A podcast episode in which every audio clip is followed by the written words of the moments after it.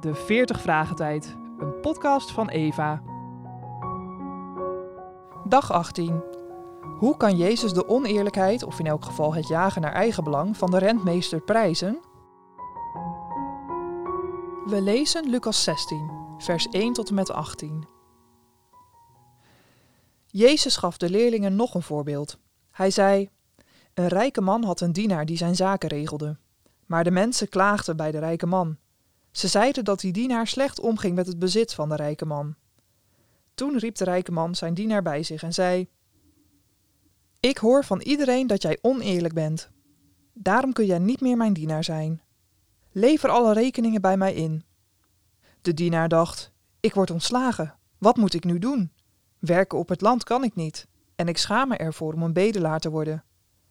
Ik weet het al. Ik zorg ervoor dat ik vrienden krijg. Die kunnen dan voor me zorgen als ik even geen werk meer heb. Toen riep de dienaar iedereen bij zich die schulden had bij zijn heer. Hij vroeg aan de eerste: Hoe groot is je schuld? Die antwoordde: Honderd vaten olijfolie. De dienaar zei: Hier is je rekening. Maak er snel vijftig vaten van. Toen vroeg hij aan de volgende: En hoe groot is jouw schuld? Die antwoordde: Honderd zakken graan. De dienaar zei: Hier is je rekening. Maak er maar tachtig zakken van. De heer zei tegen zijn dienaar: Goed gedaan, je hebt je probleem slim opgelost.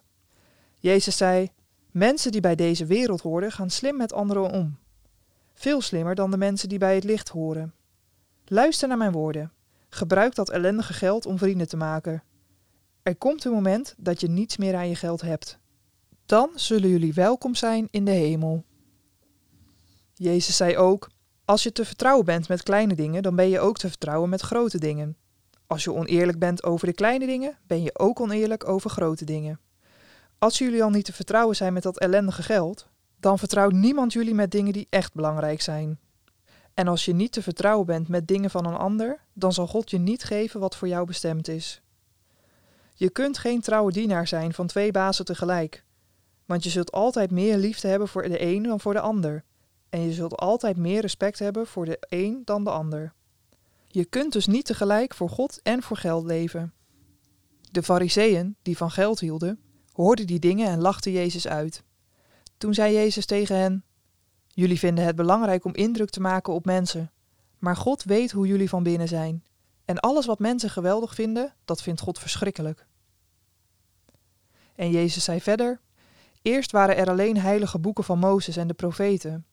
Toen kwam Johannes de Doper. Sinds dat moment wordt er verteld over Gods nieuwe wereld. En tegen iedereen wordt gezegd: Je moet Gods nieuwe wereld binnengaan. Maar de wet zal altijd blijven bestaan. Er zal zelfs geen komma uit de wet verdwijnen. Je zult nog eerder de hemel en aarde zelf zien verdwijnen. De volgende regel blijft dus altijd gelden. Een gescheiden man die trouwt met een andere vrouw gaat vreemd. En een man die trouwt met een gescheiden vrouw gaat ook vreemd. Hoe kan Jezus de oneerlijkheid, of in elk geval het jagen naar eigen belang, van de rentmeester prijzen? Het antwoord. Dit is een merkwaardige gelijkenis. Het lijkt erop dat de rentmeester in het verhaal oneerlijk handelt ten koste van zijn heer, en dat die heer dat nog in hem prijst ook. Maar het is de grote vraag of de rentmeester wel oneerlijk handelt. Het is waar dat hij de schulden van de schuldenaars van zijn heer omlaag brengt. Maar vermoedelijk zijn de bedragen die hij aftrekt precies de bedragen die hij zelf bovenop de schulden had gezet om er goed aan te kunnen verdienen. Door de schulden te verlagen wordt hij eigenlijk pas echt een eerlijk mens. Toch lijken de motieven van die rentmeester niet erg zuiver. Hij verminderde de schulden in de hoop dat de dankbare schuldenaars hem naderhand in hun huizen zullen ontvangen, zodat hij niet van de honger zou hoeven omkomen. Maar je kunt nu eenmaal niet elk punt in een gelijkenis één op één overbrengen. De reden dat Jezus hem prijst, is dat deze rentmeester een voorbeeld is voor elk mens die mag leren afzien van aardse goederen en die zijn oog richt op de eeuwige tenten. Dat wil zeggen op het koninkrijk van God. Dat is de kern van de gelijkenis. Over de aardse dingen ben je slechts rentmeester. Ga er goed en verstandig mee om. Maak vrienden met je geld dat God je heeft toevertrouwd, en wel door te delen met de armen. Maar laat geld en goed jouw eigen hart niet in beslag nemen. Je hebt immers betere dingen dan deze. Dit wordt uitgewerkt in de toepassing die Jezus van de gelijkenis maakt. Als u dan, wat betreft de onrechtvaardige mammon, niet getrouw bent geweest, wie zal u dan het ware toevertrouwen? En als u wat betreft het goed van een ander niet trouw bent geweest, wie zal u het uwe geven? Hier staat het ware, dat waar het om moet gaan, tegenover alles waarom het in het leven niet moet gaan. En dat wat van een ander is, staat tegenover het uwe. In het ware en het uwe gaat het om de dingen van God, die ons uit genade geschonken zijn op grond van het lijden en sterven van Christus. Die dingen staan tegenover het onechte, de dingen van de aarde, de tijdelijke dingen, de dingen waarover we hoogstens rentmeester, beheerder zijn.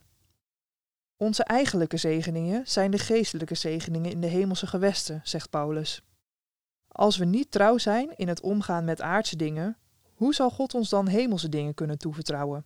Hoe kan iemand die in beslag genomen wordt door tijdelijke dingen zicht krijgen en houden op de eeuwige dingen?